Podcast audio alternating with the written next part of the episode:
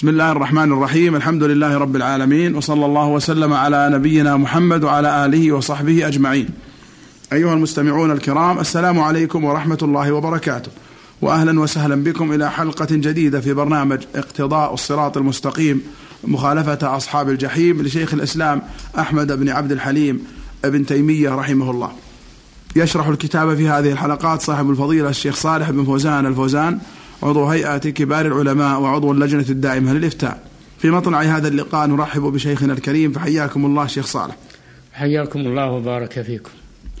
لما أفاض المؤلف رحمه الله في ذكر أحوال الدعاء الممنوع وإن كان يجاب للداعين رحمة من الله أو استدراجا قال هنا وجماع الأمر أن الشرك نوعان شرك في ربوبيته بأن يجعل لغيره معه تدبيرا ما كما قال سبحانه قل ادعوا الذين زعمتم من دون الله لا يملكون مثقال ذرة في السماوات ولا في الأرض وما لهم فيهما من شرك وما له منهم من ظهير فبين سبحانه أنهم لا يملكون ذرة استقلالا ولا يشركونه في شيء من ذلك ولا يعينونه على ملكه ومن لم يكن مالكا ولا شريكا ولا عونا فقد انقطعت علاقته وشرك في الألوهية. بسم الله الرحمن الرحيم. الحمد لله رب العالمين. صلى الله وسلم على عبده ورسوله نبينا محمد وعلى آله وأصحابه أجمعين. الشرك هو صرف شيء من أنواع العبادة لغير الله سبحانه وتعالى كالذبح والنذر والدعاء والاستغاثة والاستعانة وغير ذلك. هذه أنواع الشرك هذه أنواع الشرك التي وهي شرك أكبر. وهناك شرك أصغر هناك شرك أصغر وهو يكون في الألفاظ ويكون في القلوب وهو الشرك الخفي. فالشرك الأكبر فالشرك في الألفاظ كقول لولا الله وأنت ما لي إلا الله وأنت مثل الحلف بغير الله.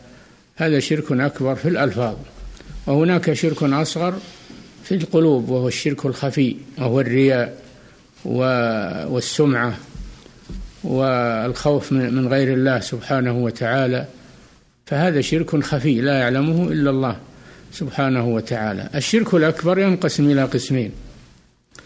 شرك في الربوبية بأن يعتقد أن أحدا يدبر الأمر مع الله يخلق ويرزق مع الله.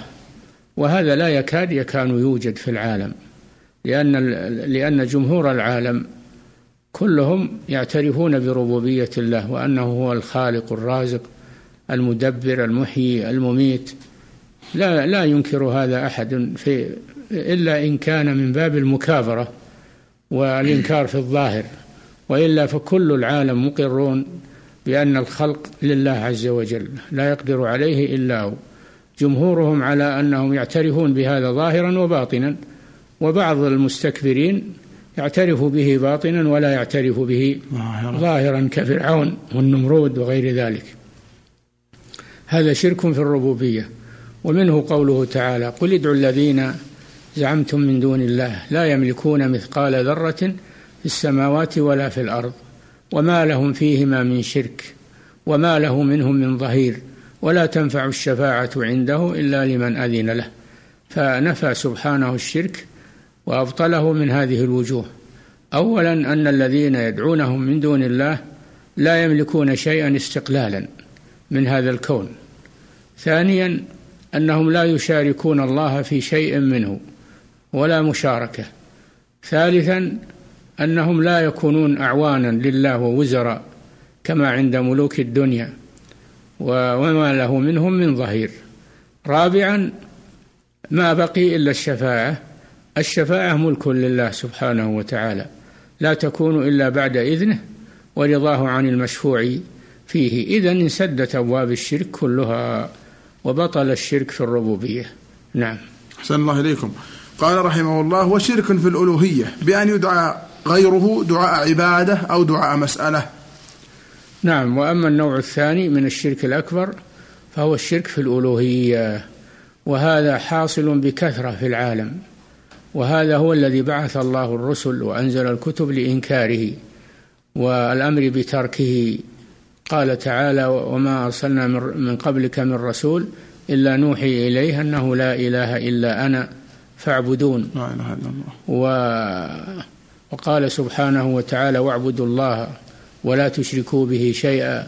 فهذا حصل الشرك فيه عند كثير من من من, من أهل الأرض قديما وحديثا.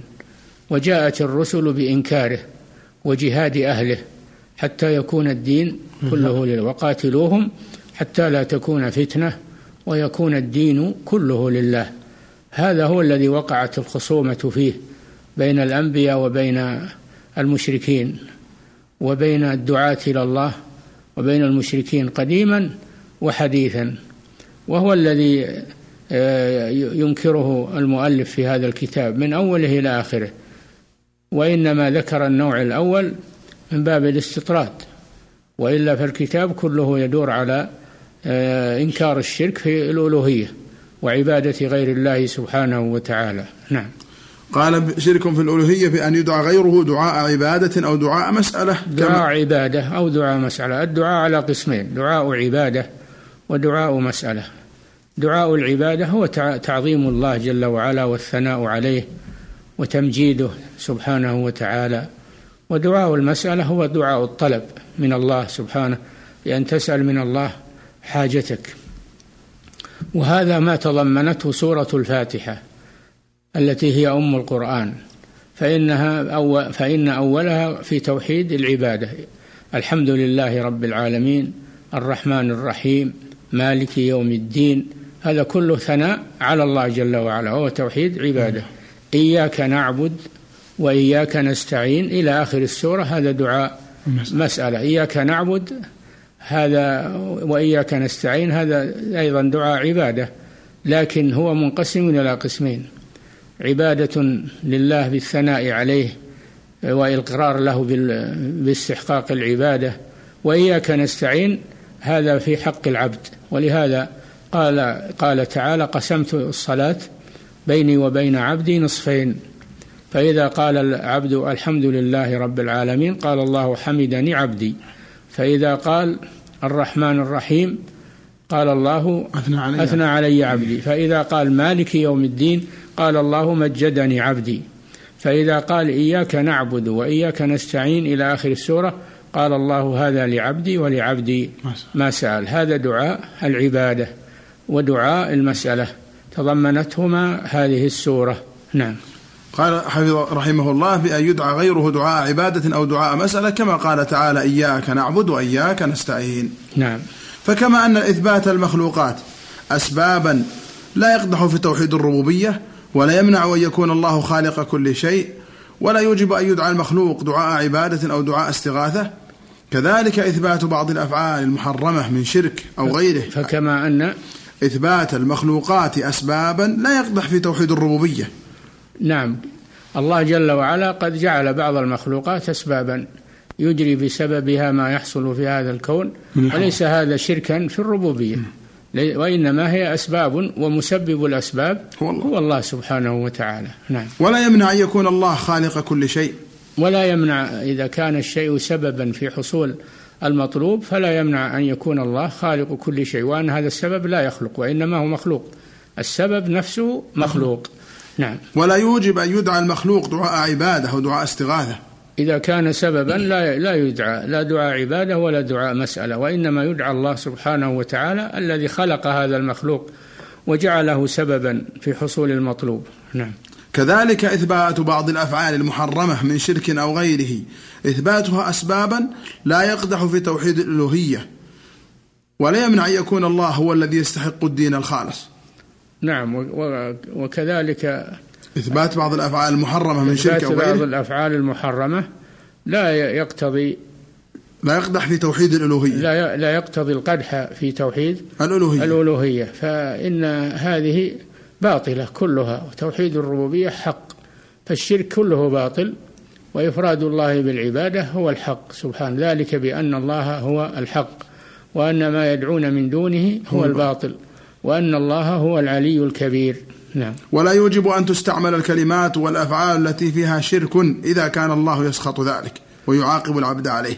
وإن كانت أسبابا وإن كانت أسبابا للشر فإنه لا فإن كونها أسبابا لا يوجب أن تدعى من دون الله وأن يخاف منها وأن آه، يخشى منها بل تعلق الخشية والقلوب بالله, بالله. فلا تخشوهم واخشون. إن كنتم مؤمنين فلا تخافوهم. وخافوني إن كنتم مؤمنين. مع أنها أسباب ضارة مع أنها أسباب ضارة. آه.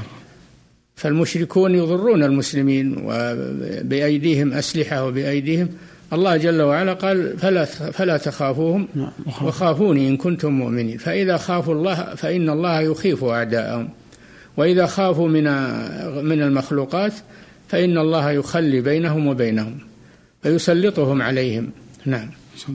وتكون مضرة ذلك على العبد أكثر من منفعته. نعم. إذ قد جعل الخير كله في أن لا نعبد إلا إياه ولا نستعين إلا إياه. الخير كله محصورا في عبادة الله وحده لا شريك له. وأما الشرك فإن حصل فيه نفع جزئي فإن ضرره وشره وخطره أكثر وأكثر. نعم. وعامة آيات القرآن تثبت هذا الأصل. نعم. حتى إنه سبحانه قطع أثر الشفاعة بدون إذنه كقوله سبحانه من ذا الذي يشفع عنده إلا بإذنه.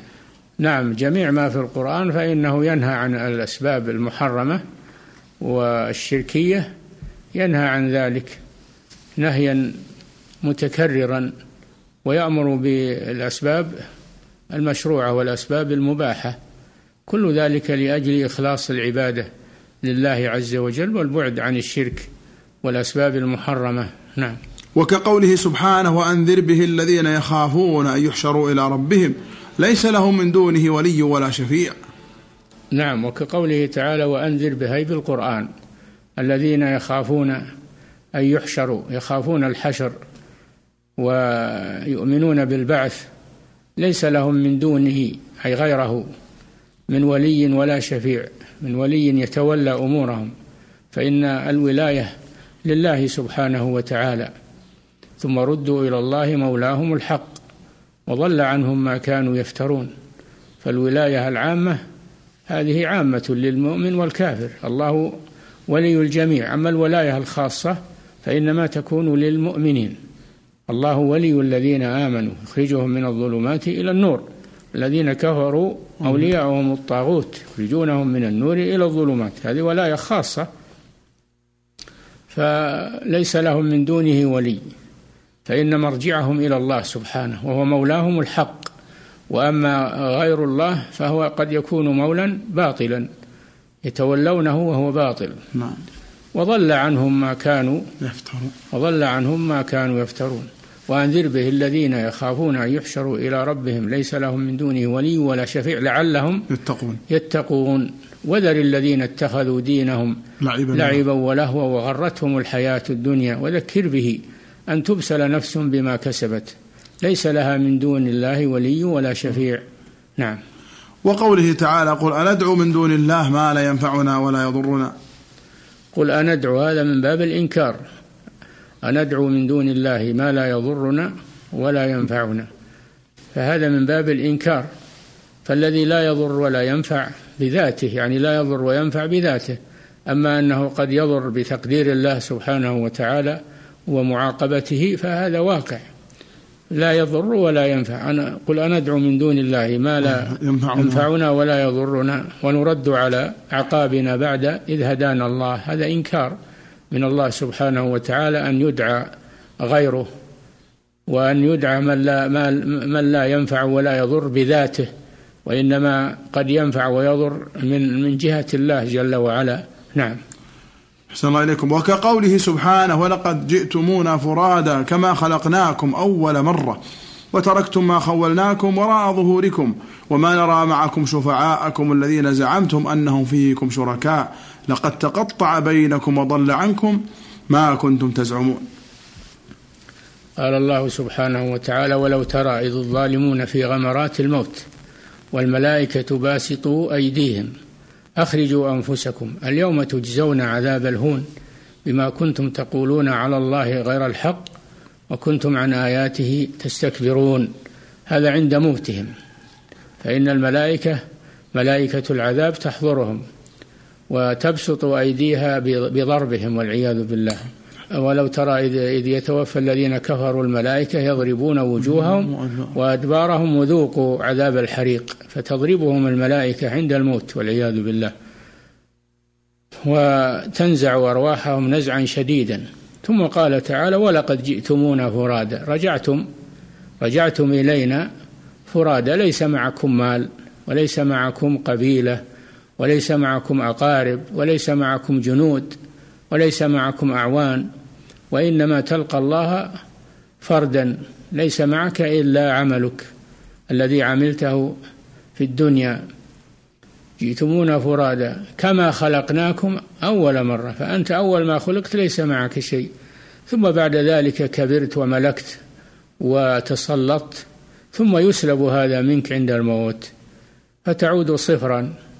تعود إلى الله ليس معك شيء كما خلقناكم أول مرة. يعني يرجع الخلق كما هو كما كان. كما قال سبحانه بل بل يريد الإنسان ليفجر أمامه يسأل أيان يوم, يوم القيامة. أيحسب الإنسان أن لن نجمع عظامه. عظامه بلى قادرين على أن نسوي بنانه. فيرده الله كما كان.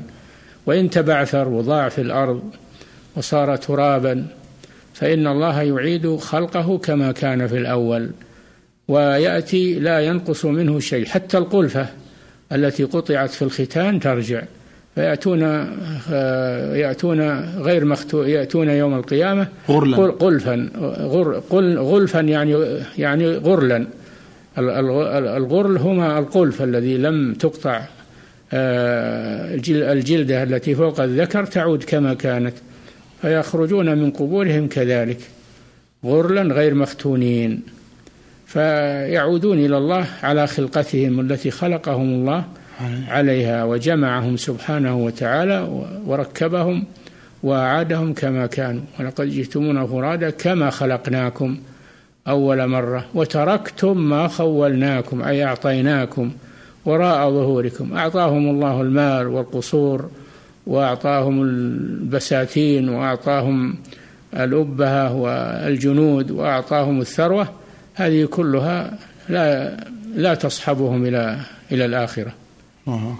تركتم ما خولناكم وراء ظهوركم. وما نرى معكم شفعاءكم الذين زعمتم وما نرى معكم شفعاءكم, شفعاءكم الذين زعمتم أنهم فيكم شركاء فيتخلون عنهم يوم القيامة. يتخلى المعبود عمن عبده إلا الله سبحانه وتعالى. فهؤلاء الذين عبدوا غير الله في هذه الدنيا يتخلون عنهم.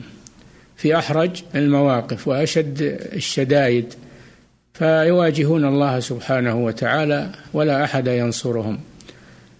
وما نرى معكم شفعاءكم الذين زعمتم أنهم فيكم شركاء مع الله جل وعلا. ثم قال لقد تقطع بينكم. فرق بينهم ويوم نحشرهم جميعا ثم نقول الذين أشركوا مكانكم أنتم. وشركاؤكم فزيلنا بينهم. وقال شركاؤهم ما كنتم إيانا تعبدون. تبرأوا منهم إذ تبرأ الذين اتبعوا من الذين اتبعوا ورأوا العذاب وتقطعت بهم الأسباب. قال تعالى ويوم القيامة يكفرون بشرككم ولا ينبئك مثل خبير. وكانوا بعبادتهم كافرين. يعني يقولون ما عبدتمونا ولا أمرناكم بذلك. فحصل بذلك أنه تقطع ما بينهم من الصلات. قال تعالى إذ تبرأ الذين اتبعوا من الذين اتبعوا ورأوا العذاب وتقطعت بهم, بهم الأسباب. نعم. قال رحمه الله سورة الأنعام سورة عظيمة مشتملة على أصول الإيمان. نعم سورة الأنعام سورة عظيمة مشتملة على أصول الإيمان وأصول العقيدة من أولها إلى آخرها ومن ذلك التحليل والتحريم أنه حق لله سبحانه وتعالى ومن ذلك بطلان إبطال الشرك وإفراد الله جل وعلا بالعبادة كلها براهين قاطعة في التوحيد والنهي عن الشرك. نعم. وكذلك قوله تعالى ثم استوى على العرش ما لكم من دونه من ولي ولا شفيع. إن ربكم الله الذي خلق السماوات والأرض في ستة أيام ثم استوى على العرش. أي على وارتفع على العرش. والعرش هو أعظم المخلوقات. وكان مخلوقا قبل السماوات والأرض. ومخلوقا قبل القلم على الصحيح. وبخمسين ألف سنة. فالعرش هو أول. المخلوقات. ثم ثم خلق الله السماوات والأرض في ستة أيام. ثم استوى على العرش استواء يليق بجلاله سبحانه. لا لأنه محتاج إلى العرش ولكن العرش هو المحتاج إلى الله في إمساكه ورفعه وخلقه فهو مخلوق. جملة المخلوقات. ثم استوى على العرش. الشاهد في قوله ما لكم من دونه من ولي ولا شفيع. لا أحد يتولى أمركم يوم القيامة إلا الله سبحانه وتعالى. ما لكم من دونه أي غير الله من ولي. فالله هو الولي لجميع الخلق. ولا شفيع لا أحد يملككم ولا أحد يشفع لكم. لكم. نعم. وقوله سبحانه والذين اتخذوا من دونه أولياء ما نعبدهم إلا ليقربونا إلى الله زلفى.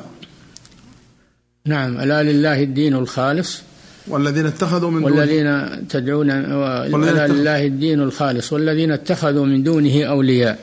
ما نعبدهم إلا ليقربونا إلى الله زلفى. تولوهم في الدنيا وطلبوا منهم قضاء حوا قضاء حوائجهم واستغاثوا بهم واستنصروا بهم. هذا في الدنيا. اتخذوا من دونه أولياء. ما يقولون ما نعبدهم إلا ليقربونا إلى الله زلفى. يعترفون أنهم لا يملكون من الأمر شيء وليس لهم في الربوبية حق وإنما يدعونهم لأجل شيء واحد وهو أن يكونوا واسطة بينهم وبين الله, وبين الله يقربونهم إلى الله زلفى. الله جل وعلا لم يشرع لهم ذلك ولم يأمرهم باتخاذ أولياء ليقربوهم إنما يقرب إلى الله العمل الصالح. وهو الوسيلة إليه سبحانه. يا أيها الذين آمنوا اتقوا الله وابتغوا إليه الوسيلة أي العبادة والطاعة سميت وسيلة لأنها تقرب إلى الله من التوسل وهو التقرب إلى الله سبحانه وتعالى. نعم. أحسن الله إليكم. وقوله تعالى أم اتخذوا من دون الله شفعاء؟ قل أولو كانوا لا يملكون شيئا ولا يعقلون؟ قل لله الشفاعة جميعا. تقدم الكلام على هذه الآية. نعم. وسورة الزمر أصل عظيم في هذا. سورة الزمر سورة عظيمة أصل عظيم في توحيد الله سبحانه وتعالى وتقرير انفراده بالخلق والأمر وانفراده ووجوب إفراده بالعبادة. فهي سورة عظيمة من أولها إلى آخرها وهي تقرر التوحيد وتنهى عن الشرك. وترد على شبهات المشركين. ومن هذه الآية ومنها هذه الآية أم اتخذوا من دون الله شفعاء؟ ولو ولو كانوا لا يملكون شيئا لا يملكون شيئا. فكيف يتخذ الشفيع وهو لا يملك شيئا, شيئا. نعم. ومن هذا قوله سبحانه ومن الناس من يعبد الله على حرف فإن أصابه خير اطمأن به وإن أصابته فتنة انقلب على وجهه خسر الدنيا والآخرة. ذلك هو الخسران المبين. يدعو من دون الله ما لا يضره وما لا ينفعه. ذلك هو الضلال البعيد. يدعو لمن ضره أقرب من نفعه لبئس المولى ولبئس العشير. من الناس أي بعض الناس من يعبد الله على حرف أي على طرف أي على طرف من الدين غير متمكن وغير ثابت القدمين في الدين فإن أصابته فإن أصابه, فإن أصابه خير اطمأن به أي بهذا الخير. وإن أصابته فتنة انقلب على وجهه وترك دينه. قال الله جل وعلا خسر الدنيا والآخرة. فلا دينه بقي ولا حصل ما أراد.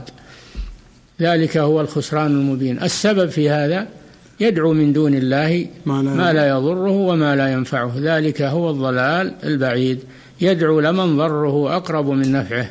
لبئس المولى ولبئس العشير. نعم. وكذلك قوله تعالى مثل الذين اتخذوا من دون الله أولياء كمثل العنكبوت اتخذت بيتا. وإن أوهن البيوت لبيت العنكبوت لو كانوا يعلمون. كل هذه الآيات في إبطال الشرك. ساقها الشيخ رحمه الله لإبطال الشرك ودعاء غير الله وأنها أسباب محرمة وأسباب مقطوعة لا توصل إلى المطلوب. فضرب مثلا الله جل وعلا ضرب الأمثال في القرآن ومن الأمثال التي ضربها سبحانه الأمثال على بطلان الشرك. فمن ذلك أنه سبحانه أنه ضرب مثلا المعبودات التي من دون الله أنها مثل بيت العنكبوت. فالذي يعبد غير الله كمثل العنكبوت اتخذت بيتا بيتا ضعيفا لا لا يظلل من الشمس ولا يمنع المطر ولا يمنع البرد, البرد ولا الحر. اتخذت بيتا وإن أوهن أي أضعف البيوت لبيت العنكبوت. فأضعف أضعف المعبودات وشرها المعبودات من دون الله عز وجل. هي كبيت العنكبوت لا تنفع صاحبها. فبيت العنكبوت لا ينفع من الحر ولا ينفع من البرد ولا ينفع من المطر ولا يكن من العدو ولا يستر. ولا يستر ما وراءه. وكذلك المعبودات من دون الله بهذه المثابة. وإن أوهن البيوت لبيت العنكبوت لو كانوا يعلمون. نعم. أحسن الله إليكم. الآن بعض المتأخرين المتحدثين في إعجاز العلم في القرآن يقول أن في هذه الآية إشارة إلى قوة بيت العنكبوت وأنه لو اجتمع السلوك العنكبوت الحريرية هذه كانت أقوى من الفولاذ هذا من هذا يعجب به من يعجب به من يقول إن هذا من إعجاز العلم في القرآن. هذا من التخرص ومن القول على الله بغير علم. الله جل وعلا قال وإن أوهن البيوت يعني ظاهر الآية أنه بيت واهي جدا. أضعف البيوت بيت العنكبوت. هم يقولون قوي جدا. ويقولون أقوى هذه مضادة لكلام الله سبحانه وتعالى. نعم. أحسن الله إليكم. بهذا ننتهي في هذه الحلقة. مع صاحب الفضيلة الشيخ صالح بن فوزان الفوزان في شرح اقتضاء الصراط المستقيم وخالفة أصحاب الجحيم. شكر الله لشيخنا ما تكرم به من الشرح والبيان وشكر لكم أيها المستمعون حسن استماعكم ونفعنا وإياكم بما نقول ونسمع. هذه في الختام تحية أخي مهندس الصوت عثمان بن عبد الكريم الجويبر. حتى نلقاكم في الحلقة القادمة إن شاء الله. نستودعكم الله والسلام عليكم ورحمة الله وبركاته.